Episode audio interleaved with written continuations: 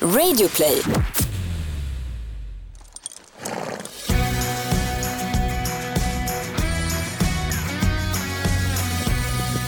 Välkommen tillbaka till podcasten Ridklubben med mig Gry Forssell. Och mig Rebecca Lagin. Som man kunde se hoppa så fint på vårt Instagramkonto Ridklubben-podden här för, eh, det var förra veckan. Jag la upp det på stories, kanske ska lägga upp det i flödet så att man kan se det. Du red en lång, lång övning för haking som Ja. du tränar för. Precis. Den tog, det var liksom en minut lång.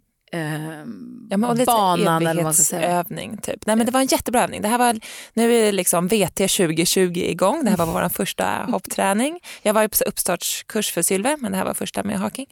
Eh, och då var det så himla, för då hade han liksom ena kortsidan så var det en planka, tre galoppsprång till en bom, tre galoppsprång till en bom. Och då hade man kommit igenom hela kortsidan och började lite på långsidan, så var det snett igenom, oxer, tre galoppsprång oxer, så kom man ner till nya kortsidan, så var det tre galoppsprång planka och så kunde man vända snett igenom igen. Och så var det en liten, eh, eh, två små bommar där med ett galoppsprång emellan och så var det en längre väg upp till en oxer.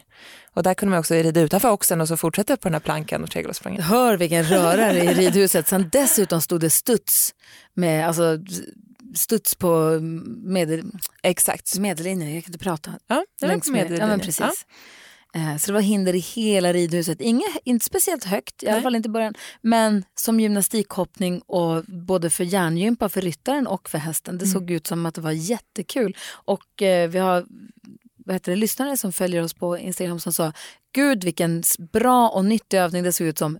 Rebecka måste säga hur det kändes. Nej, men det, var, det, var, den kändes jättebra och Neo kändes också toppen. Han kändes lite stel innan och lite loj, men du vet lite så här, jag brukar säga lite vallack-loj. Typ. det vallackar kan ju vara lite bekväma. Typ. Ehm, och han var jättefin, han kändes verkligen så här lösgjord i båda sidor. Och det är härligt med hinder, då behöver man ju inte göra så mycket själv utan då får man ju lite hjälp av, av bommarna och, och lösgöra dem. Vi kommer att prata mycket tävling idag. Klara Hammarström är gäst hos oss. Ja, Från vilken fam- superfamilj och superkvinna. Familjen Hammarström som man har kunnat följa på SVT Play. Det kommer komma en säsong två och en säsong tre. Eh, nu ska man med och tävla Melodifestivalen och det, är- hon och hennes syskon, inte alla men många i familjen tävlar ju. Och väldigt tävlingsfokus ju. Ja, alltså, de gör ju elitsatsningar. Det är inte så att de är som oss andra som hobbyrider utan ska de göra det så verkar det som att de ska bli bäst på det de gör. Go hard or go home med Hammarström. Exakt. Exakt. Men hur ser din tävlings... Har du någon tävlingspepp? Är du sugen eller hur känner du? Gud, jag är så sugen på att börja vinna. Ja. Tränar ju, usch jag kommer tycka att det är skitjobbigt om jag misslyckas nu. Därför brukar jag alltid hålla låg profil också för att jag men jag tycker det är lite jobbigt att misslyckas. Och då säger jag heller ingen, ingenting till någon utan jag kanske har det för mig själv. Och då har man ju aldrig misslyckats utan då så här, gick det som det gjorde. Men nu tänker jag nej nu tusan måste jag bli bättre på det här. Så mitt, mitt pepp 2020 som vi pratade med Klara också att jag ska börja rida lite snabbare så att jag ska börja ta bort lite sekunder från maxtiden hela tiden. Så att jag vässar mig själv och tvingar mig själv att välja lite kortare vägar. Men jag tänker jag ska börja nu och hoppa, eftersom att Neo inte har tävlat på ett och ett halvt år, eftersom att han fick en senskada förra sommaren, så ska vi börja hoppa lite 1,10. Eh, och då, kanske vi då börjar vi såklart inte rida snabbt så att man ser att han håller och att allt funkar. Men att man ändå försöker hålla ett bra tempo nu från start. Själv rider jag ingenting för jag har ett nyckelben som fortfarande inte läker.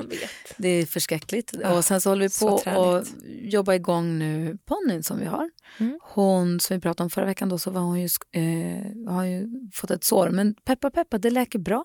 Hon skrittas och travar lite grann. Jag var faktiskt inne faktiskt på Högs som vi har som sponsorer. Ja. Högs hemsida, högs.se.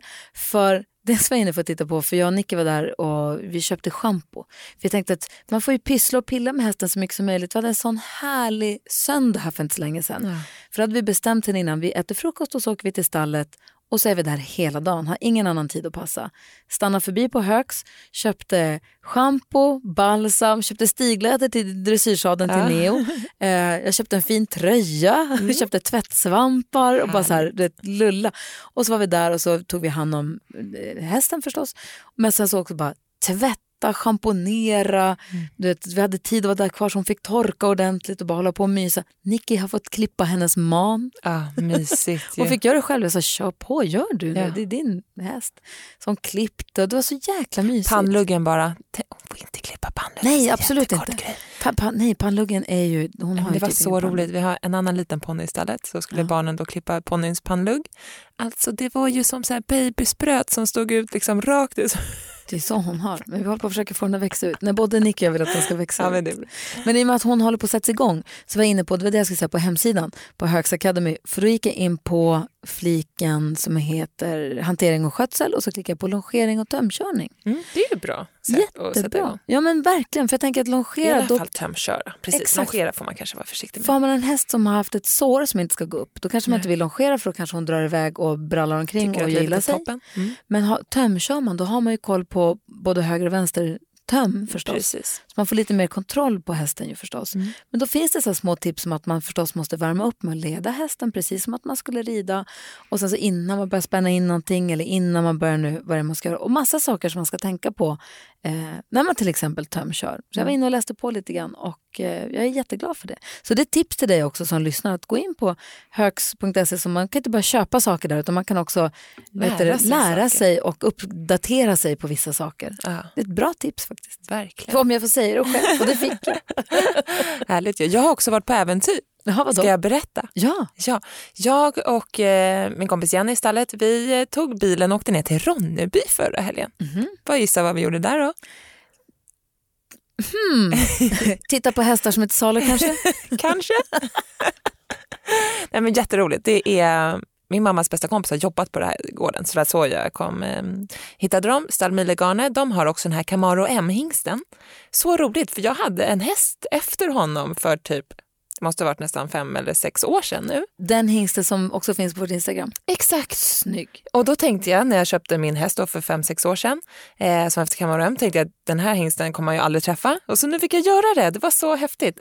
Och han tog in henne i ridhus så han fick springa runt där och visa upp sig och så byggde han upp något litet hinder som han hoppade själv. Men liksom så härligt att få se en hingst liksom i den klassen som ändå har många svårklasshästar eh, efter sig och ha ett sånt härligt liv. Ja, Det var att härligt. den är nöjd och glad. Liksom. Ja, den gick i hage och den sprang runt i ridhus. Men du vet, den var som en vanlig häst fast en hingst. Och en annan fråga på ditt äventyr. Mm. Håller du på att eh, preppa en box nu i stallet? Är det det Jag tror det. Jaså? Vi hittade två hästar. Vi skulle prova två hästar och två jättefina hästar så Ja. vi ska nog besikta båda. Nej, vad kul. Jätte, jätteroligt. Eh, så jag provade ett sjuårigt sto efter hiphop, Camaro M.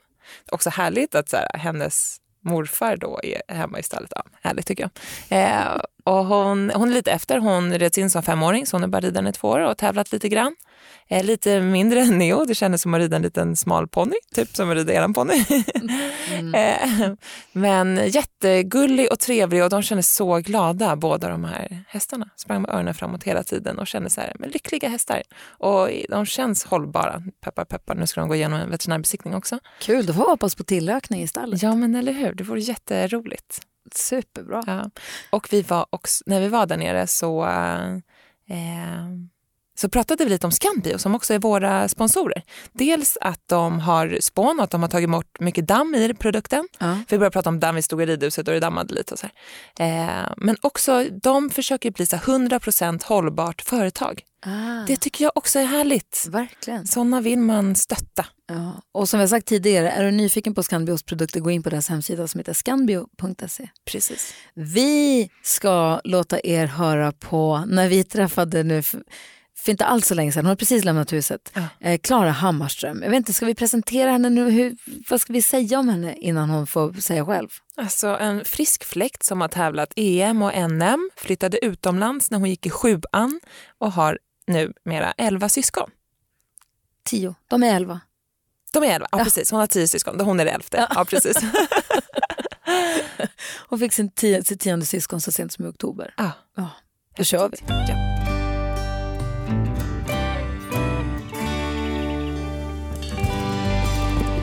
Välkommen till ridklubben säger vi till Klara Hammarström. Hur är läget? Det är bra, tack så mycket för att jag får vara här. Jättekul att du ville komma och hälsa på. Vi har bara sagt hej här ute och tagit en kopp kaffe eller ett glas vatten och Ja. börjat prata. Och direkt började vi prata om tusen saker som man bara, nej nu får du inte prata om det, nu ska vi prata om i podden. Men du rullar på så himla bra och det här, det här är verkligen någonting som jag brinner för. Hästar och ja. men det känns så himla naturligt på något sätt. Så man bara, vill bara prata på. För att nu när jag jobbar med musik så är det inte så många som, som verkligen kan hästar eller de är bara intresserade. Så det Ja. blir så här, ja men jag rider och de bara, åh jag älskar hästar. De hästar är fina. ja exakt så här. Och sen tog konversationen slut. Ja är exakt. slut. För du är alltså då, som vi har nämnt tidigare, du är ju alltså ett av dina föräldrars nu elva barn. Grattis till lillebrorsan förresten. Tack så mycket. Fick ditt tionde syskon i oktober. Ja, det, det är helt sjukt. Jag har, inte, jag har inte tagit in det själv. Det är så här, ja, det är inte så konstigt. Fast, och jäklar, det är, det är väldigt konstigt fast kul. Ja. En glamorös familjen annorlunda. Ja, men verkligen. Det känns ändå som att det funkar så. Jag tycker att det är kaos och jag har två barn. Ja, du ska se hos mig. ja men det är verkligen så. Folk så här, ja men eh, ni skulle passa i familjen annorlunda. Och så är det så här, fast det skulle vi inte. För vi har, om man kollar på familjen annorlunda och har sett det tidigare så är det så här, okej de har problem och det, vi har också sådana problem. Men de försöker få vardagen att gå ihop och i min familj så försöker vi få tio olika elitsatsningar att gå ihop och eh, eh, skolor och, och sport och liknande. Så det, det är liksom över det Ja. på något sätt. Och hur länge och hur mycket har du ridit? När började du rida? Alltså ni har ju massor, ni har 18 hästar eller vad, plats för 18 hästar i alla fall. Ja, vi har, ja, vi har, jag vet inte ens hur många platser vi har hemma men jag, jag tror vi har 15 platser och det är, nej men gud det kanske vi inte har, 10, 11 men det ska vara bara för tävlingshästar nu. Ja. Och vi har haft plats för 22 tidigare där vi bodde på, i, på gården i Delsbo där vi kommer ifrån. Men eh, jag började rida, jag vet inte när. Mamma satte upp mig på en häst när jag kunde liksom, innan jag började gå. Så har mamma haft travhästar. Ja, ja, ja. Så hon har haft nordsvenskar och ridit ut skogen. Hennes dröm var alltid att eh, ha en egen häst när hon var yngre. Men hon fick inte en häst. Så när hon fick chansen att eh, skaffa en egen häst så skaffade hon det. Och sen har vi bara ridit och ridit i skogen och sen så kom vi på att ja, man kan tävla. Eller mamma kom på att man kan tävla och hoppa med hästar och liknande. Och i den, den vevan så började mina äldre syskon. Och sen kom vi eh, yngre barn och fick pröva på. Och sen så kommer mina småsyskon nu som är mycket yngre än mig och är eh, tio gånger bättre än vad jag var när jag var liksom 15. Och de är 10. För de som är mest aktiva nu, det är du som då har lagt ryttarkarriären lite åt sidan, för nu ska du ju också vinna Melodifestivalen, det ska vi prata mer om. ja. För den här familjen vinner ju allt de går in i. Exakt. Så det blir väldigt kul att vi sitter och pratar med Jag vill också veta hur man gör för att vinna allt man går in i. Melodifestivalvinnaren har vi här. Exakt. Det hoppas jag. Och sen så är det din brorsa Ingemar som det går jättebra för. Exakt. Och vad är, ligger han, hur ligger han till nu? Ja, han, han, är ju, han är 17 år i Ja. år och eh, han har ridit eh, ponny fram tills han var 15. Skulle fylla 16, eller 16. Och han har tagit ett EM-guld där på ponny när han gick över till häst. Red EM förra år på storhäst. Han har fått min EM-häst. Eftersom jag lämnade så fick han ta över eh, mina hästar. Eh, han ligger till jättebra för sin Ja. ålder. Han är extremt begåvad. Tränar hur mycket som helst och tränar helt rätt. Går eh, häst på gymnasiet nu och ekonomi. Och bara laddar på. Han sa häromdagen bara Fan mamma jag vill sluta för att eh, rida på heltid. och vi bara håll dig till skolan också. Nu sakta backarna. Men det är kul när de blir så här när man ser sin lillebror bara brinna för någonting så mycket så att det är det enda han vill göra. Ja. Men eh, sen har jag fler syskon. Selma, Eh, Selma som ju tävlar fälttävlar men håller på att gå över till hoppning eller? exakt. Eh, det är min tvillingsyster. Ja. Hon har ridit eh, fälttävlan, jag tre, fyra år tillsammans med mig. Jag bytte ju från fälttävlan till hoppning när jag gick upp på storhäst. Och då fortsatte hon att rida fälttävlan. Varför gick du över? Jag gick över lite för att eh, det finns, jag vet inte riktigt men fälttävlan för mig, jag började med fälttävlan för att eh, Selma och min stora syster Matilda skulle göra en satsning i fälttävlan och flyttade till Irland. Och mamma hittade en jättebra häst till mig som jag så här, ah, jag vet inte, jag vill hoppa, fortsätta hoppa liksom. Jag var jätteduktig på det. Hade precis tagit ett SM-guld på C-ponny men jag kände ändå de ska göra en satsning och jag vill hänga på dem och göra det tillsammans med dem. Och det blev ganska naturligt. Mamma hittade en väldigt fin häst till mig och jag älskade den här hästen och det här var hans gren. Och eh, jag flyttade med till Irland, gjorde det i två år. Och då var du ganska ung, eller hur? Ja, Så du läste skola på distans? ja. Vi, jag och Selma hoppade över från sjuan, åttan, nian när man går i grundskolan till distans där. Till Hur gick Sofiadistans. Ja, det, jag trodde att det skulle vara easy peasy. Ja. Så här, ja, men skolan, den, den får man, den får man liksom, den kommer ändå. Men eh, jag vill ju bara rida. Och, eh, Såklart. så när jag kom till Irland där så gick man upp sex eh, på morgonen eh, och red fem timmar och kom in och liksom, fan nu ska man plugga historia. Det var inte jättekul. Men eh, mina föräldrar har alltid varit stöttande och alltid hjälpt oss väldigt mycket med det vi vill göra. Liksom. Ja. Så då, de hjälpte oss ganska mycket. När vi kom hem efter säsongen så hade jag liksom hela skolan kvar att göra på en månad. Oh. Och eh, det löste jag tillsammans med eh, mina syskon. vi satt och pluggade varje, varje dag då när säsongen var slut. Men vi blev bäst i Sverige på att eh, rida fälttävlan. Ja. Och det var det som vi... Det och ni överlevde skolan, Ja, det är det som är det exakt. viktiga. Ja, men vi fick rida två EM, jag och Selma. Och sen kände väl jag att eh, när jag vill gå över till häst så vill jag fortsätta hoppa. Mm. Och eh, då flyttade jag med min lillebror till Tyskland. För då ville han hoppa. Och gud det låter så himla, jag pratar alltså, ingen förstår, jag har hela bilden i det mitt låter huvud. så himla enkelt. Så Ja, med så åkte vi till Irland och så bodde vi där och så åkte vi till Tyskland Det och finns ingen röd linje i det jag och- säger där. Nej, men hur det är det ens liksom möjligt ekonomiskt, organisatoriskt och flytta hästar fram och tillbaka? Så måste Ja. ju bajsa dina föräldrar pengar till att börja med. Alltså jag förstår Ja, inte liksom, det ju- åh, hur mycket orkar de? Ja. ja, mina föräldrar har ju alltid varit eh, stöttande föräldrar som vill att vi ska få göra det vi eh, kan göra på den nivån vi vill göra det på. Men de har aldrig varit så här, okej här får du en häst och sen så, om det går dåligt så köper vi en ny. Det har aldrig varit så, utan om vi tar på oss någonting så får vi ta tag och göra skitjobbet själv. Och eh, sen har de alltid funnits där med ekonomiska möjligheter och ja, men om ni vill tävla här, absolut, men ni måste komma upp till en viss nivå eller ni måste träna så att eh, vi kan sälja hästarna sen om det skulle vara någonting och inte minska värde eller gå in för det här 100%. Man har ju fått välja bort saker som kompisar och fester och sådana saker för att verkligen göra det här på riktigt. Du ju tio syskon så Ja, ensam är man väl aldrig. Nej, exakt. Nej, men, eh, vi har ju alltid fått det att funka på något sätt. Jag har ju, vi har ju samma hästar kvar i stallet nu som jag red när jag red ponny. Liksom. Det måste ändå vara smart tänker jag med Ja. 11 barn. Hur gamla är de äldsta syskonen? 23, 24? 24. 24. Ja. Och då är det liksom, det blir ju samma hästar Ja, kvar exakt. i stallet. De äldsta rätt. barnen fick ju rida in de här ponnysarna som Ja. ni sen fick ta över. Liksom. Och det sen så har du småsyskon nu som är, hur gamla är de? De små som, jag säger inte bebisen men de Nej, här som men- rider nu som, Annabelle, min yngsta syster som börjar intressera sig för hästar och rider, hon är fyra. Precis fyllt fyra. Och sen har jag Adam som är sju. ja jätteduktig. Ja, och han är, han är otroligt duktig. Han eh, hoppade min D-ponny, liksom, nej min store till och med, för förra veckan på träning på en meter. Liksom. Han, är, han kommer bli någonting. Liksom. Ramlade av två gånger gjorde han, men han är upp i sadeln igen. Men eh, jag tror att mamma har ju blivit väldigt bra på att hitta hästar som, som passar och som man kan ha längre och som kan utveckla oss. Det gäller ju att hitta hästar som, som man kan liksom utvecklas med. Och eh, om man ska säga så här, vi, vi har en häst som heter Swapshop som min syster som är 24 nu hade när hon red SM. Och det är hennes första ponny. Och det var även min första ponny. Och det var även Ingmars första ponny, Selmas ponny och nu Ellens. Och vi alla har ridit SM. Jag har SM-guld på henne, Selma har SM-guld på henne, Ingmar har SM-guld på henne. Och det har blivit att man investerar i hästar som kan utveckla oss ryttare. Och om man har en sån häst det är det som krävs att man ska bli bättre som ryttare för att sen kunna gå upp till en annan häst som man kanske köper lite billigare och sen utveckla den hästen för att, eh, så att Stackars dina äldre syskon som Ja. fick utveckla hästar till Ja, hela tiden. de är ju så duktiga men det är så här, det är sånt som man kommer på när man, eh, när man har hållit på med en sport längre. Att eh, ah, de här felen skulle man inte behövt göra. ah, man skulle inte åkt dit eller man skulle inte ha köpt en sån ung häst eller man skulle kanske inte köpt en så bra häst till, till en ryttare. Eh, för att hästen var bättre än dig just då och då blir det problem där också.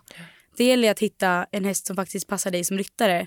För annars så går det inte alls uppåt eller neråt. Någon som matchar lite Ja. som man växeldrar kanske. Ja. Men jag tänker så här, en häst som Shop Shop, Mm.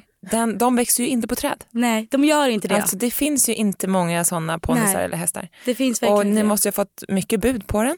Ja, eller den har ju aldrig varit till salu på det sättet. Liksom. Det, och det är ju egentligen en, en ponny som eh, från början är som alla andra ponnysar. Men man har haft den i, systemet i tio år så är den som sin egen. Och man har behandlat den bra och den gillar det den gör. Men absolut, det är folk som har velat köpa hästen. Men sen har vi ju inte bara en sån häst utan vi har ju haft fyra såna hästar i stallet. Vem hjälper dig att hitta de där hästarna? Det är min mamma som har ett så bra öga för hästar tror jag. Men det har ju hon också lärt sig. Ja. Och sen så har man ju bra hästhandlare och sen får man ju se på resultat och på andra. Och vi har ju också nu familjer som vi jobbar med och som är våra bästa liksom, kompisar. Och deras barn har också haft av våra hästar liksom. Eh, min första childrenhäst har jag fortfarande kvar i stallet. Eh, Monty Marco, nu ska han kanske säljas. Men eh, jag har haft honom. Eh, Ellen hade honom nu, min 11-åriga syster och har ridit 1,30.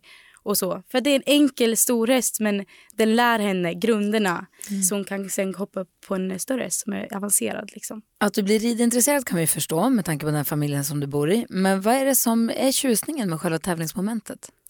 Ja, jag skulle säga att vi Hammarströmmar i alla fall och jag är ju verkligen tävlingsmänniskor. Om det inte hade varit hästsport så hade det varit något annat antagligen. För jag tänker du har två stora syster, s- två stora syrror varav en går ut Handels Ja. och en pluggar ekonomi på Oxford och sen så har vi hela tävlingsgänget som kommer Ja. efteråt och sen så som sagt nu ska du tävla också Melodifestivalen. Ja. Så det känns som att ni triggar ni varandra?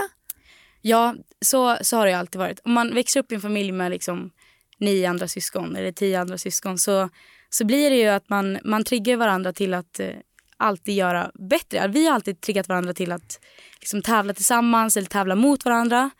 Eh, ja, men snarare tävlat med varandra. Liksom. Men eh, man vill alltid göra lite bättre och man vill eh, synas lite i familjen och ta lite eh, uppmärksamhet av mamma och pappa och sådär. Och vi har alltid gillat att tävla. Det har alltid varit så här, okej, pappa är också från grunden tävlingsmänniska, orienterare och skidåkare och liksom hälsa. Så det har alltid varit så här, ut i skogen barnen, nu, nu på våran eh, lediga dag så, så ska ni tävla om som, vem som samlar kottar, flest kottar liksom. och det har alltid varit roligt. Ja. Så vi har alltid hittat någonting som spårar varandra och okej men nu sisten upp till huset. Alltid sådana där saker.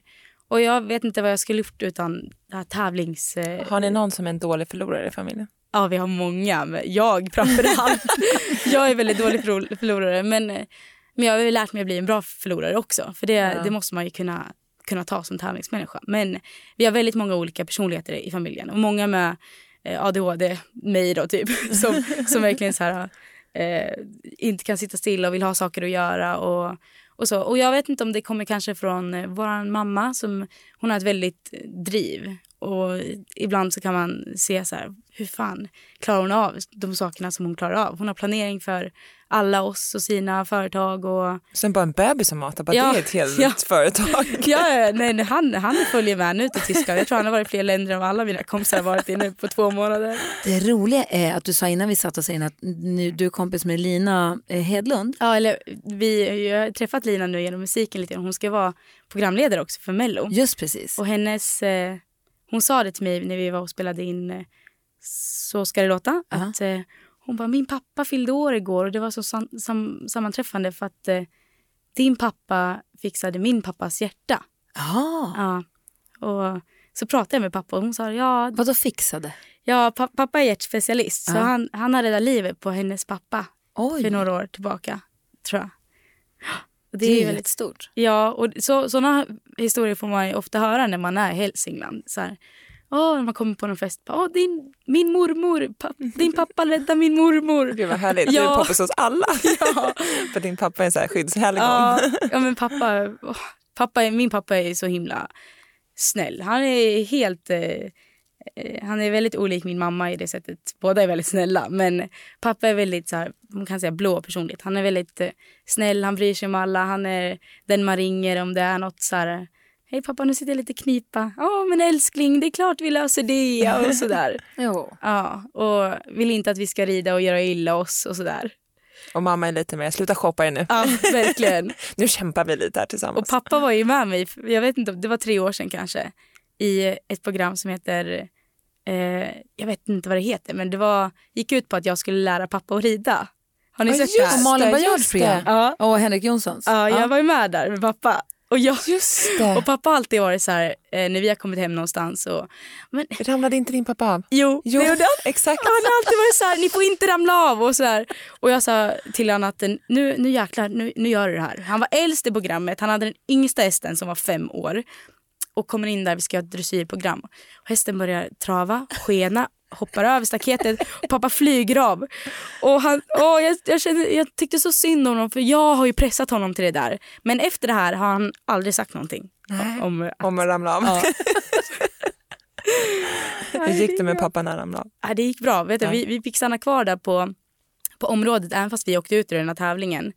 För att hjälpa de andra gubbarna där, papporna, Mm. att, eh, eh, med, ryggarna och sådär. Så pappa fick ju stanna kvar där. Som läkare. Ja, som läkare utanför programmet. Han, pappa hade inga problem, men de andra gubbarna fick ju han injicera och det, spruta. Min lite långsökta tanke med Lina Hedlund är att hennes syrra Hanna Hedlund är ju gift med Martin Stenmark. De är också elva syskon.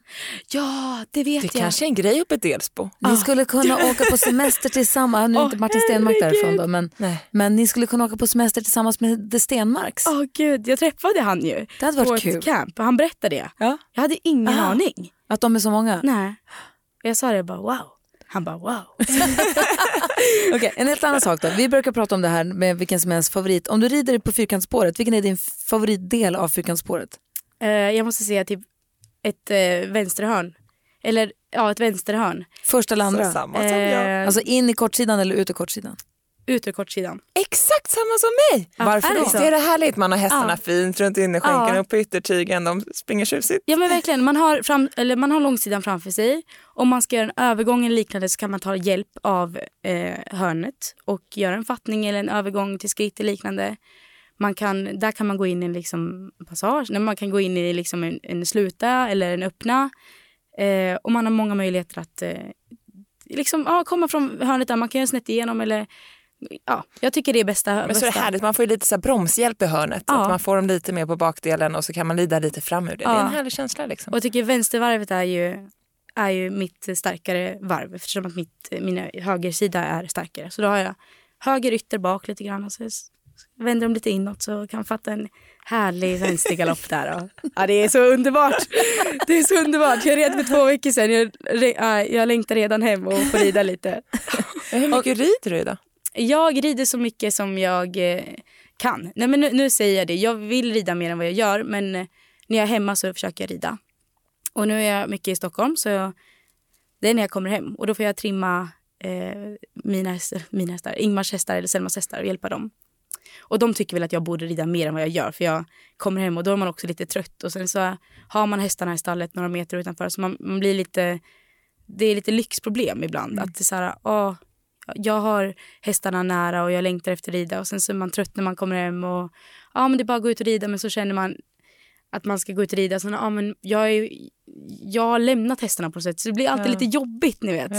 Att det är som att man... eh, Rida bara för kul är inte Ja. samma sak som att rida för att faktiskt fokusera och satsa på Nej. en tävling eller något sånt. Nej exakt. Och ja men du kan ju rida när du vill ändå. Ja fast det är inte alls Varför? Ja, det är inte alls på det sättet. Jag, har inte, jag rider inte den hästen varje dag. Så fall, vi får inte ett band. Det blir som att jag går ut och rider eh, ja, för, för min skull och jag vill rida för, allas, eller för, för hästens skull och liknande. Men jag rider när jag är hemma och då får jag trimma eh, de hästarna som jag har tävlat tidigare. rida ganska fina hästar. Om du ställer upp en, en hopp, om du ska hoppa då, en hoppövning, du får ställa upp tre hinder säger vi. Mm. Vad har du för favoritövning då?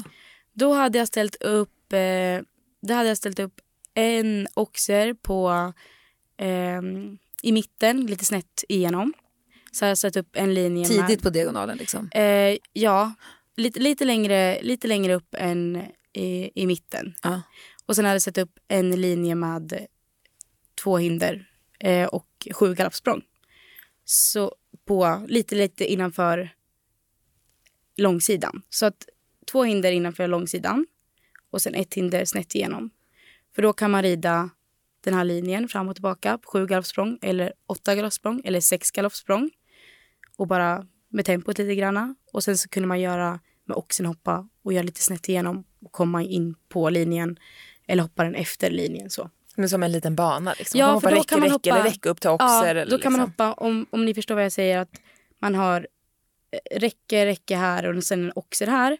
Så kan man ställa den så att man kan hoppa från oxen Klara till... visa nu med händerna. Ja, jag visar med händerna. Ja, men man förstår. kan använda de visa tre sen i händerna våran, till en bana. Ja. Ja. men precis. På Instagram visar vi exakt hur man ja. tänker. Jag håller med dig, den är bra. Det kan Ja. också bli lite evighetsövning och man kan eh, göra mycket bra saker. Ja, men nu, nu fattar jag. Ingen fattar vad jag sa där. Och sen ett hinder lite här. Och i taket typ. Men vad hade ni gjort? Ja, hör du, jag, ska, jag hoppar just nu inte så mycket alls, ska jag säga dig. Ja. Gry, det första hon gjorde efter att hon hade brutit sitt nyckelben det var att gick och köpte en dressyrsadel. Nej, gjorde du det? Åh. Var det för att du känner att du kommer inte hoppa på ett tag eller var på varför? Ja, och en vacker var- dag ska jag också sitta i dressyrsadeln. Jag har inte fått Ja. hoppa, jag inte fått rida, får inte rida än. Det läker ju inte ben, benet. Nej. Det suger men dressyrsadeln är jätteskön. Ja, Jag kommer ha ridit in den perfekt tills du kan börja rida igen. Funkade det med stigläder när jag köpte? Eller gjorde de Jag har inte provat Ah, det. Ett poddtips från Podplay. I fallen jag aldrig glömmer djupdyker Hasse Aro i arbetet bakom några av Sveriges mest uppseendeväckande brottsutredningar. Går vi in med hemlig telefonavlyssning och, och då upplever vi att vi får en total förändring av hans beteende. Vad är det som händer nu? Vem är det som läcker? Och så säger han att jag är kriminell, jag har varit kriminell i hela mitt liv men att mörda ett barn, där går min gräns. Nya säsongen av Fallen jag aldrig glömmer på Podplay.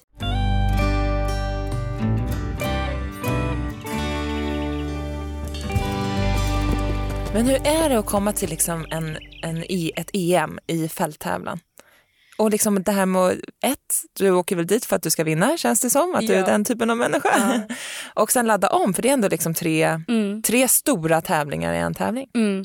Ja, men vi, har alltid, vi har alltid haft eh, höga mål och liknande men vi har alltid haft realistiska mål också. Eh, så till exempel när jag och Selma skulle åka och rida EM, eh, vårt första EM 2014 så bodde vi på Irland, hade bott där hela året och EM var på Irland det året också. Eh, och våra förväntningar och mina mål var ju så här, vi ska åka dit och göra ett väldigt bra EM. Jag hade precis fyllt 14 liksom. Eh, så man är väldigt ung och du vet, det är väldigt stort. Jag har inte ridit fälttävlan tidigare mer än det året eller det året före det. Eh, ingen i Sverige har kvalat till EM på 15 år eller, eller vad det var. Vi hade inte ens ett lag nästan. Saknade en ryttare. Eh, så våra förväntningar var att vi ska vara felfri i, fält, eller i terrängen då och få ett godkänt resultat och komma så bra vi, vi kunnat göra då för att ladda om till nästa år. Eh, I alla fall, jag var skitnervös. Jag kommer in dit, eh, sätter en väldigt bra dressyr eh, för mig och min häst. Eh, Likaså gjorde Selma och Selma var bättre än mig där. Och bättre häst och, och sådär. Hur kändes det när hon var bättre än dig? Nej, men det känns bra. hörde du direkt, hon sa att det var en bättre häst. ja men exakt. Hon har lite erfaren, mer erfarenhet eh, i, i hästen. Men vi har ju alltid tävlat tillsammans på Ja, sådana tävlingar. varandra, När vi liksom. kommer internationellt och tävlar då tävlar inte jag mot eh, Selma. Då tävlar jag mot eh, De andra och de själv? som är bäst. Ja, de andra och mot eh, mig själv liksom. Ja. Eh, och speciellt vad, när man vet vad man har sig själv och sin häst och vad man är kapabel till att göra just då. Vidare från dressyren så kom vi till fälttävlan, eller till terrängdelen. Och jag var, alltså jag, jag var så nervös jag grät i starten. Men jag, alltså, jag tycker det är läskigt att en stock i skogen. jag tänker på de där gigantiska stockarna. Ja, och man har gått banan fyra, fem gånger eh, och bara så här. Och hindren, jag har aldrig sett så stora hinder. Jag bara ryser när jag pratar om det här. Och, för det var verkligen en så stor grej för en och, och det var verkligen så en sak som man har velat eh, göra ända sedan man började rida och tävla EM för Sverige liksom. Men var du, du grät för att du var nervös för att du var nervös för hur det nu ska gå? Ska du sumpa den här chansen? Eller var du, grät du för att vara nervös för att vara rädd för att du skulle dö? Jag var nervös, jag grät för att alltså, den här, jag, jag visste att jag skulle ta mig igenom det med min häst eh, the Melody. Han, vi, vi har aldrig någonsin fått eh, ett fel i terrängen förutom en gång och det var på EM året efter. Vi har aldrig någonsin fått ett stopp eller ett stanna eller ett utspring någonsin tillsammans. Jag var bara så överväldigad, säger man det? Att vara där och det är så stort och det är så eh, mycket folk och det är... Att nu händer det liksom. Ja, nu händer det och, eh, och du vet, med min ADHD också. Jag bara håller på att sprängas liksom. liksom. Och min häst står där så taggad. Och det är så lång bana, det är sju minuter och du, du ska hålla fokuset och det är sådana saker som du inte har gjort förut. Fast jag har ändå tränat på allting så jag ska vara så himla bra så jag bara kan när jag kommer dit. Men det, det är en så stor grej. Och när man kommer iväg så släpps allt det där. Ja. Och när jag kom i mål sen, vi var felfria och kom i mål och de tar hästen och, och kollar hjärtat och allting ska vara så de isar hästarna och kollar puls och skydd och så bara satte jag mig på en stol och satt där i en halvtimme och bara, bara var liksom. Njöt typ. Ja, ja, men det, var, det, var, det var helt tomt. För jag var, det var helt tomt. Du vet, man har gjort det som man verkligen har velat göra. Eh, Laddat för nästan ja, ett år typ. Ja, jag laddade på ännu längre än så. Ja. Och sen bara Så bara sitter man där och bara helt lycklig över att bara gråta liksom med min häst. Som, ja, det, det är sån jäkla känsla. Det går inte att beskriva. Eh, det, det är så magiskt liksom. Och sen så har man ett moment kvar som hoppningen och det känns som att man liksom har redan vunnit VM, eller VM, EM för sig själv. För det, var, här, det var det här vi skulle göra. Eh, och så, så är det om, om man, jag vet, tänker mig min lillebror, han hade som mål att vinna EM när han kom till sitt EM på ponny där. Och jag kan tänka mig, jag och han hade sa- samma känsla även fast jag hade gått runt felfritt i terrängen där och han tog EM-guldet som han skulle ta. Det var samma mål, samma känsla för mig. Och, och man fattar vad jag menar när jag berättar det. Men om man nu lyssnar på det här och känner att ja, men gud, jag måste kanske tagga till lite grann. Jag vill också tävla, men man kanske tävlar med lite mer som... Alltså jag tycker att det är jättekul att vinna, men tycker också att men det är kul att bara vara med också. Ja, ja. Eh, men man kanske behöver få det där, tagga till lite grann och få Ja. lite mer tävlingsfan i sig. ja, och jag tror Vad att ska man göra då? jag tror att man borde... Man, man bör sätta upp mål som man kan vinna utan att vinna tävlingen. Om man säger så. Om jag skulle komma till en tävling, okej, jag sätter upp målet att eh, komma runt felfritt på den här tiden eller komma runt felfritt och att det ska kännas så här. Eller att hästen inte ska dra upp huvudet två gånger utan bara en gång den här tävlingen.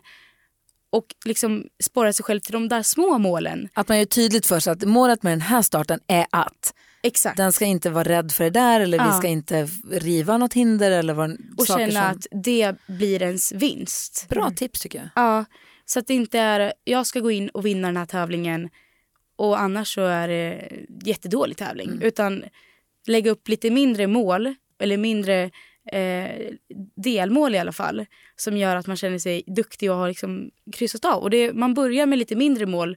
Eh, ja, men som jag sa, att eh, hästen ska vi ska gå från ett riv till, eh, eller från två riv till ett riv. Och sen när man kommer ut därifrån och har gjort det, fan det här gjorde vi tillsammans. Det här, det här klarar vi och sen lägger vi upp ett till mål. För att, att tävla mot sig själv, det är, det är viktigt liksom. För att man ska kunna lägga upp större mål och sen tävla mot andra. Man börjar någonstans för att sen ta det vidare. Vad ska du sätta för delmål? Ja. Eh, jag ska vinna. Nej. Nej, men mitt mål det här 2020 är att jag måste rida snabbare. Mm. Jag rider tjusigt ute i hörnen och det är Ja. så bra allting och fina halvhalter och sånt. Nu ska jag släppa det lite och brassa på. Ja. Så att jag, då får man ju se, det är olika maxtider på olika tävlingar.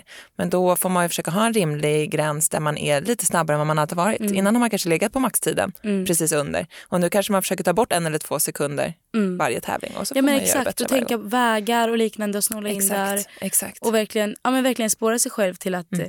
okej nu får jag inte. För det är väldigt enkelt att vara bekväm. Ja. Och- Eller det känns bra. Ja, det här, känns bra. Det här Men- är min bubbla, det här Ja. rider jag tjusigt och det Exakt. händer inte Gå mycket där. utanför comfort zone. För alla har ju börjat någonstans. Ja. Även, även Malin Bajard, även Peder, Ja. eh, även jag, även fast jag inte är så etablerad som jag sitter här och, och säger och pratar. Liksom, man har ju börjat någonstans. Jag har också ridit eh, alla påskäggshoppningar och jag har också ridit julklappshoppningar och ridit surf och liknande. Och jag och Selma då har ju varit väldigt olika, min tvillingsyster. Hon har alltid varit den som har tagit det lugnt och ridit fina vägar och jag har varit den som har gassat på och ibland fått något eh, nedslag eller slarvat lite. Och sen kommer det fatten. Selma fått jobba på vägarna och jobba, jobbat, på, fått jobbat på eh, och vara lite mer noggrann och liknande. Men sen har man fått lägga upp mål ända från Let's Se till där man är idag. Och Selma har ju blivit jätteduktig. Hon rider Grand, hon rider Grand Prix 1.45 nu liksom utomlands. Men ja, man måste... Alla har vi något att jobba med. Ja, liksom. alla har man något att jobba med. Alla har man något att vinna på tävlingar. Exakt. Som Ja, det kan ju bara vara hemma i ridhuset också, som du säger. Exakt, exakt. Att min häst varje gång jag gör en förhållning så ska den inte slå upp huvudet eller Ja. slå sig fri. Eller. ja, exakt. Nej, det är faktiskt väldigt bra tips, tycker jag. Jag sitter och tänker på comfort zone. Jag hamnade och började tänka på Jessica Springsteens ritt i Friends. Såg ni den? Oh my god. Ja, vad sjuk den var. Jag var satt där på läktaren och njöt. Jag bara, mamma gör- kan vi köpa hästen? Alltså, vad fan gör Kan man rida sådär? Ja. På den här, är du galen? Men det var så coolt att Ja, jag- se. I, redan i förklassen så skrev jag ner hästens namn i, i telefonboken utan att sett, för jag satt på sidan där. Så jag såg inte att det var hon när hon red. Så jag skrev ner det på anteckningar, hästens namn. Och, och jag bara, det, var så, det var så underbart att se dem tillsammans. De, nej. Men det där kommer jag ihåg. Jag behöver ju också eh, liksom sporra mig själv lite för att jag är lite så lugn och lite tjusig och så här, det är Mm, lugnt fint. När Angelica Augustsson red den här Mickmack i Göteborg. Ah. Den var ju också helt sjuk. Alltså den springer med huvudet så högt så att, att hon ens ser framför förbi Mm. Ja, ja. huvudet är helt sjukt. Och det går så fort och den liksom skenar in i varje hinder och man tänker så här, det kommer aldrig gå, de kommer dö. Ja. Men så vann hon där i Göteborg Ja. och den ritten brukar jag då titta på när jag måste så här, tagga till lite och bli lite så här, nu jävlar. Ja, och man, man ser det här bandet som Ah, de här stora ryttarna har byggt upp. Att de känner varandra till minsta detalj. Att de kan komma fram och man, man sitter där på läktaren och nej, nej och nej. Ja. Och de vet exakt vad de gör. Ja. De vet exakt vad de gör och man tror bara det här, det här går inte. och sen så, det, det, det är deras sätt att göra det på liksom. Det är helt otroligt.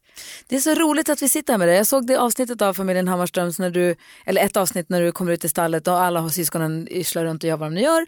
Och du var inte i stallkläder tror jag inte. Och var så här tjusig och sminkad och lösa fransar och liksom hit och dit.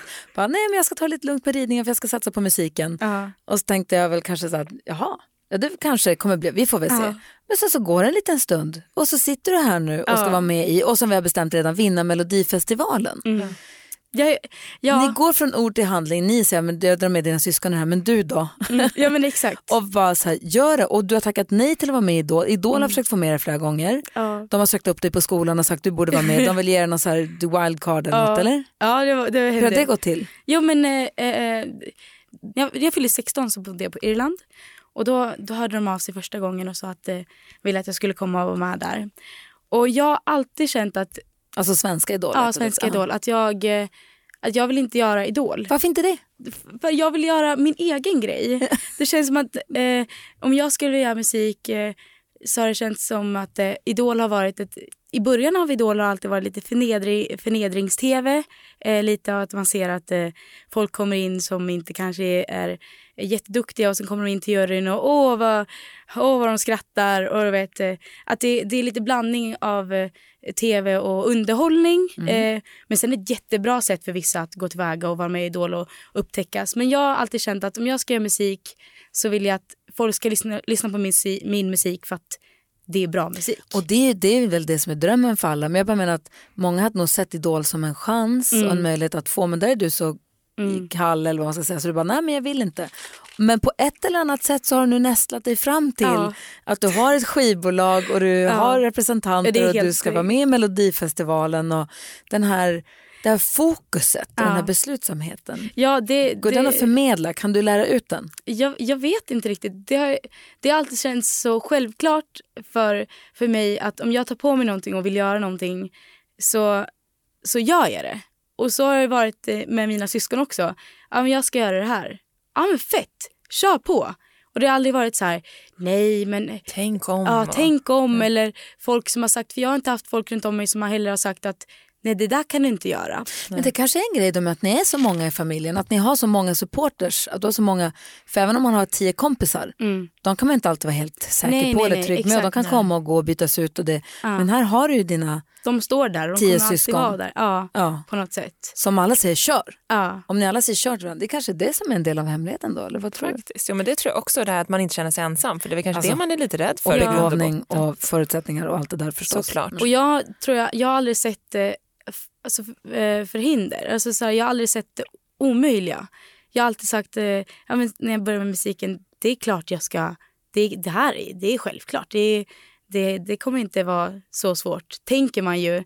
Eh, men sen är det så mycket jobb och jag har alltid lagt ner mycket jobb.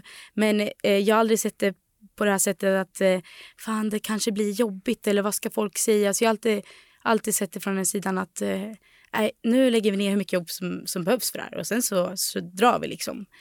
Men när jag tänker på det så är det rätt sjukt för man vet hur mycket folk som håller på med musik och som är extremt begåvade men som inte kommer, som inte kanske kommer ut ens på radio eller som inte ens får släppa en låt eh, med, jag vet inte vad.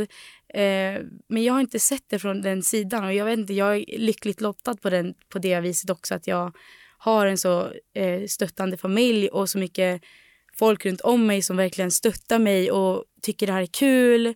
Och jag älskar att jobba med folk och jag vill bara, jag bara vippa runt liksom. Men ja, man är, ja, jag vet inte, jag har fått, eh, nej, det, det är konstigt att förklara också. Och när, kommer, eh, när börjar säsong två på Hammarströms? Den kommer ut så snabbt som möjligt. Den, den, den skulle ju gått nu 2019. Ja. Eh, och eftersom att jag är med i Melodifestivalen så får inte jag släppa serien förrän Melodifestivalen är över. Aha, okej. Mm. Det var där. Så att efter finalen så får den komma ut. Eh, och jag har verkligen så här... Vi har velat komma ut med den här sen i september. Och den är så otroligt bra tycker jag den här säsongen. För det är mycket mer på djupet. Man, får, man kommer in i våra liv mycket mer. Det är mer förklarande. Eh, man får följa med, med, med, med, med mer. Heter det. det är 20 minuters avsnitt. Nej, halvtimmars avsnitt istället för en kvart. Ja. Eh, och det, vi är mycket äldre i serien. Eh, jag kan väl uppfattas som en liten snorunge i säsong ett. Men eh, det var jag också. Nej, det var jag inte. Men det, den, den personen är man också. Men nu visar man eh, två delar av varje person. Och vad, hur, vad är reaktionerna? Vad har folk, sagt, vad har, sagt, vad har folk i ridsporten sagt? Jag har hört bara bra saker, Ja. för mestadels. Bara roliga saker och att det är kul att vi, att vi visar upp vårt liv. Och jag mycket tjejer och, och killar som följer mig på Instagram som liksom supportar en och tycker det här är jättekul. Vi var på Stockholm Horse Show och haft fanträffar i år och, förra året. Och det är så mycket folk. Det är helt otroligt mycket folk som står där och vill komma fram och säga Åh, jag tycker det är så eh, kul för ni har liksom sporrat mig till att våga och sätta upp mål och få vara bäst och jag vill vinna och nu kan jag våga säga att jag vill vinna. Så vi har, jag har fått så fin respons och verkligen känt att ja, det, här, det här är fan det bästa man har gjort. Liksom. Så tänker du på att du är en förebild då liksom eller? Jag har aldrig tänkt, tänkt så. Nej, Och när, jag träffar, som är. Så. och när jag träffar folk så är jag deras bästa kompisar. Folk säger alltid det till mig. För jag bara, ah, men tjejer ska så här, följ med här. Och, och de är helt eh, röda och så. Och jag, ja men sätt dig med mig. Vi sätter oss och kollar på hästklassen. Alltså, Ja. De är mina kompisar. Alla är mina kompisar. Så. Så, och, och det är så, men det, det är klart de är ens fans också. Men eh, jag, jag vill ju vara allas bästa kompis. Så. Ja. Och, det är, ja, och jag älskar det. På Vad sätt. härligt att vara sådär. Jag är nog lite mer introvert jag om jag jämför med dig. Ja, men då har jag ju mina, min lillebror till exempel, han är mer introvert. Han tycker det är, och jag ser, de tjejer ringer mig och skriver till mig, kan jag få mig, får jag Ingmars gifta dig med. Ingemar? De ringer till Du bara, pappa. visst allihopa är våra bästisar.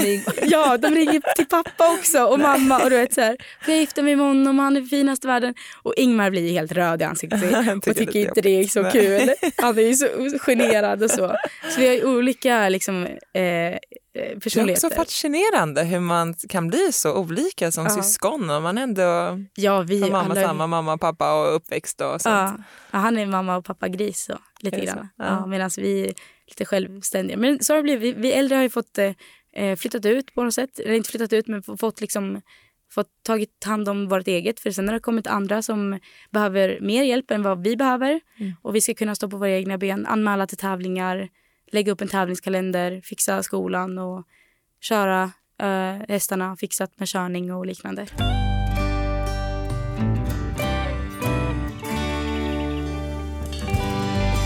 Vad var det när du blev avstängd? Vad var det för rabalder? Ja, det var ju, det, här var ju 2016. Eh, Ja, det är länge sedan i och för sig. Men eh, Fast hur gammal var du 2016? 16. Ja, okej. Ja. Berätta, vad hände? Ja, vi var på EM i, i Sverige. Första gången det var i Sverige här i Malmö.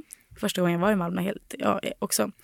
Eh, kom från Irland, för jag bodde fortfarande där. Och hade mitt eh, irländska kompisgäng och Tyskland kände jag också till. Eh, och vi kom till eh, Malmö en vecka innan EM. Och var ute med lite kompisar och käkade middag en dag. Eh, och tog det vidare till eh, vårt hotell. Vi bodde på eh, det stora hotellet, ett, långt hotell, li- live, I don't know. I alla fall i vårt eh, lag på EM så var det jag, Selma och två andra tjejer som red. Och det gick jättebra på tävlingen. Vi, eller jag ramlade av, men eh, vi tog ett EM-brons.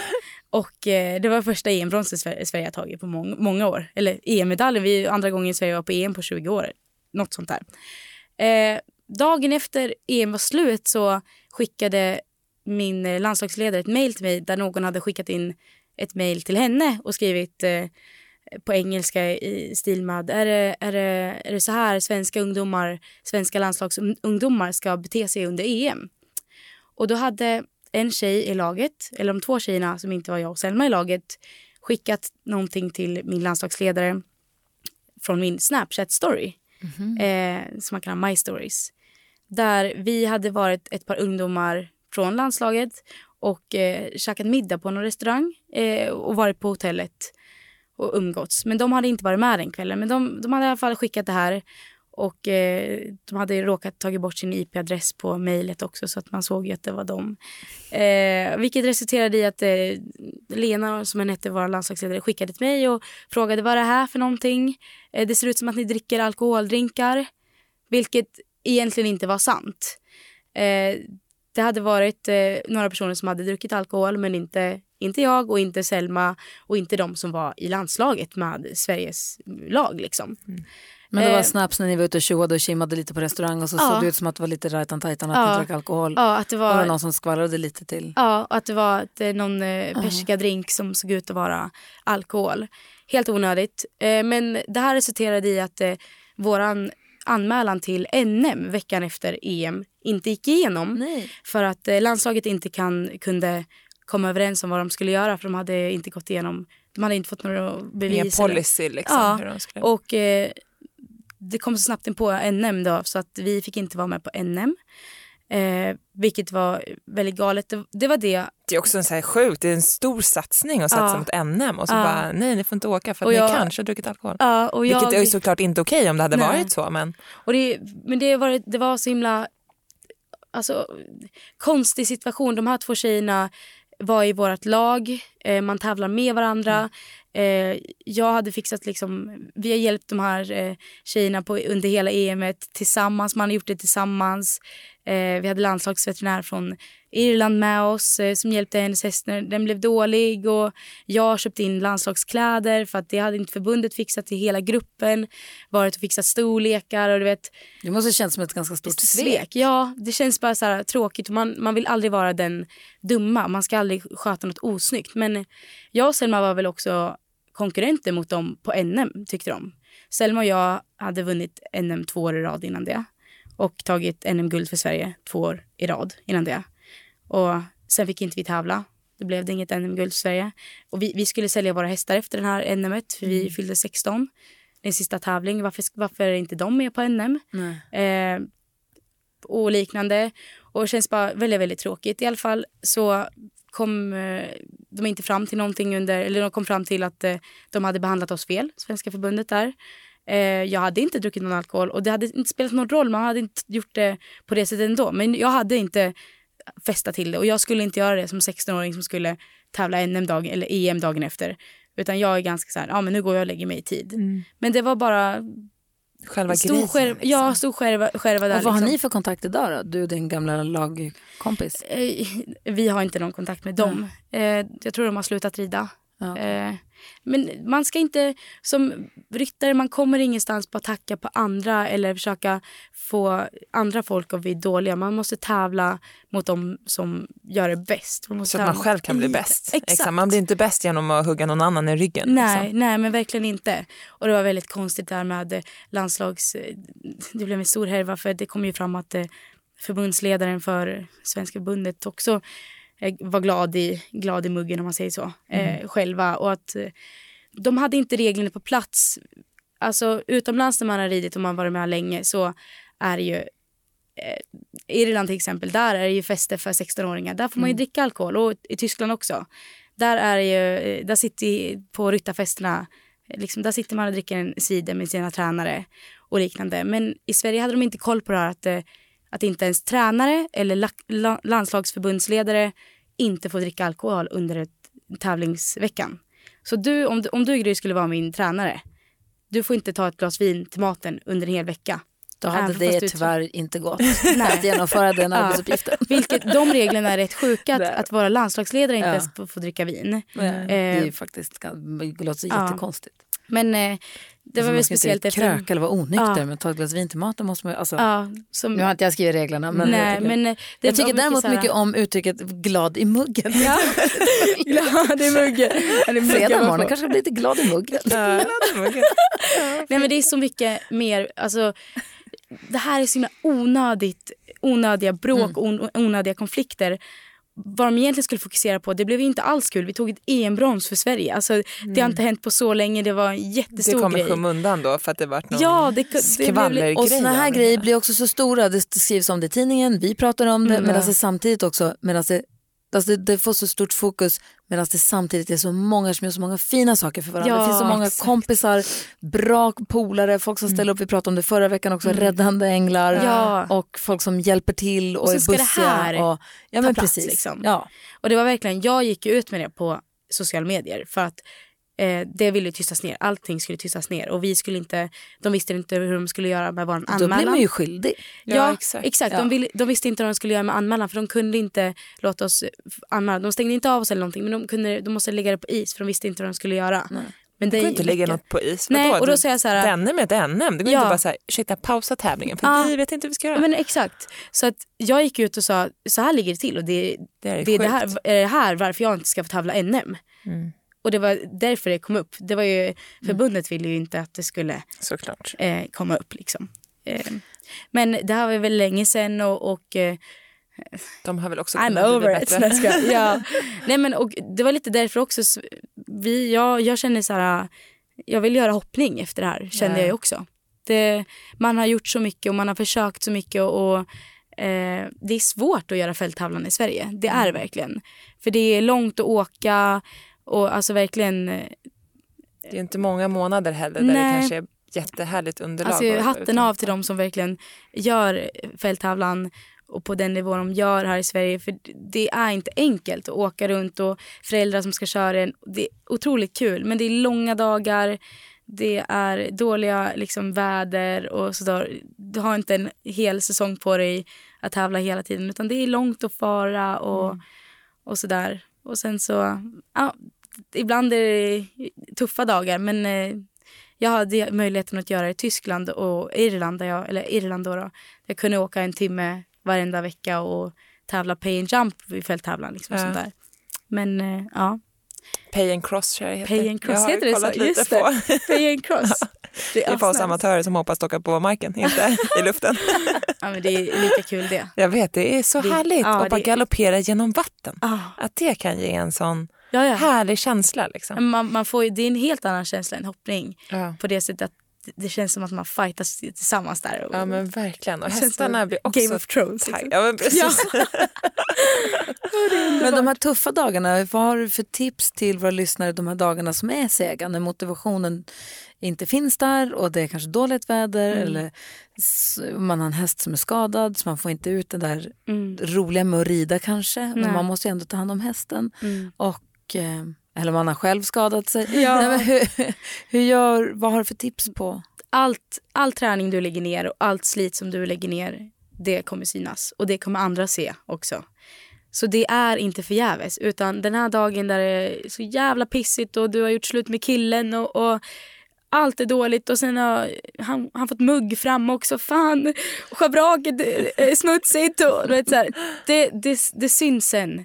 Du, du kommer känna av det här eh, om inte om en månad utan om ett år. Du kommer se det på tävlingsbanan att, att det, det faktiskt går framåt. Så är det med allt. Slit nu och det syns sen. Och det är för, både för dig och hästen, det, det kommer synas och det kommer resultera i, i bättre dagar. Och det finns baksidor men det är det som gör att de här fina sidorna och fina dagarna också lyser så starkt. Man har haft de här skitiga dagarna och nu är det time to shine liksom. Och alla har haft dem. Jag har liksom gråtit när man ska gå upp och rida och fan det är Det är tråkigt. kallt och, och blött. ja, Och, man tänker ska man sluta? Det? Men det är värt det. Ja. Det är så värt det sen. När man så får man står där uppe. tänka att varje dag så lär man sig ändå någonting i Ja. Alltså, Man lär sig någonting. man hör någon som säger något eller någon som tar hand om något sår på något speciellt sätt eller Ja. har någon nya handskar. Ja, Men det, det kan ju vara vad som helst. Ja men absolut. Alltså det är verkligen så. Man lär sig någonting och hästarna lär sig någonting. Mm. Och, och bara om man fortsätter att nöta och nöta så, så, så blir man bättre. Och man blir eh, till slut bättre än alla de som slutade nöta. Förstår ni? Exakt. De som inte gick dit när det var mörkt och kallt. Det, du, du gjorde det. Och därför är du där nu. Det kommer liksom. löna sig sen. Ja. Vilken jäkla vitamininjektion. Vad härligt och vad peppad man blir av att prata med er och träffa dig. Ja men detsamma, ni är ju helt härliga. Ni också sitter. Jag tycker det är så underbart att prata om. Sitter här och nördar. Vi är på till Ja. Du ska till stallet va? Nej, Va? inte, jag har redan varit där. Jag har mockat åt eh, Neo och åt din ponny. Är det sant? Oh. Ja, det- jag ska dit nu i eftermiddag. Ja. Ja. Ja. Har du några fler frågor innan vi rundar av? Nej, men jag tror inte det. Eller ett stalltips. Har, vi brukar fråga alla våra om stalltips och det kan vara allt möjligt. Typ Peder tycker man ska se sina hästar typ på lina eller någon springer med dem. Eh, och eh, Nina har ju att skrubba hovarna med en diskborste. Så det kan Ja, vara vad som det. helst. Har du något sånt här bra stalltips? Okej, jag kan... Ett stalltips. Det här kanske inte är ett stalltips, men lite så här...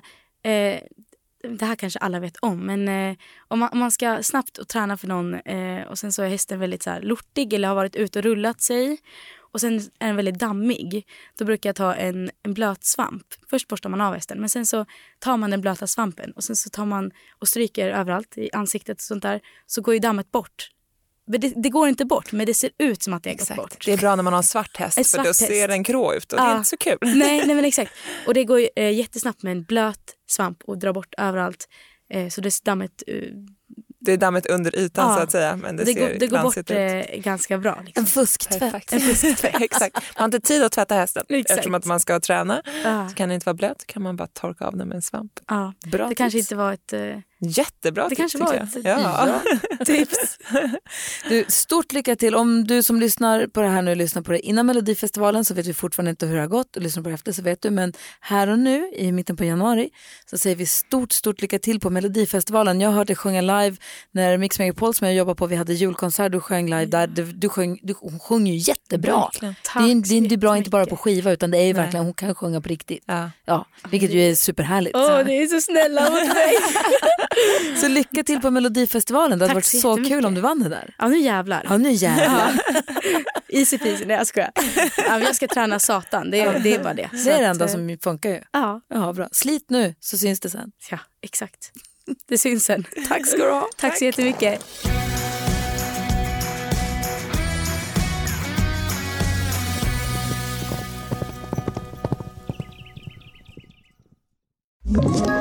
Ett poddtips från Podplay.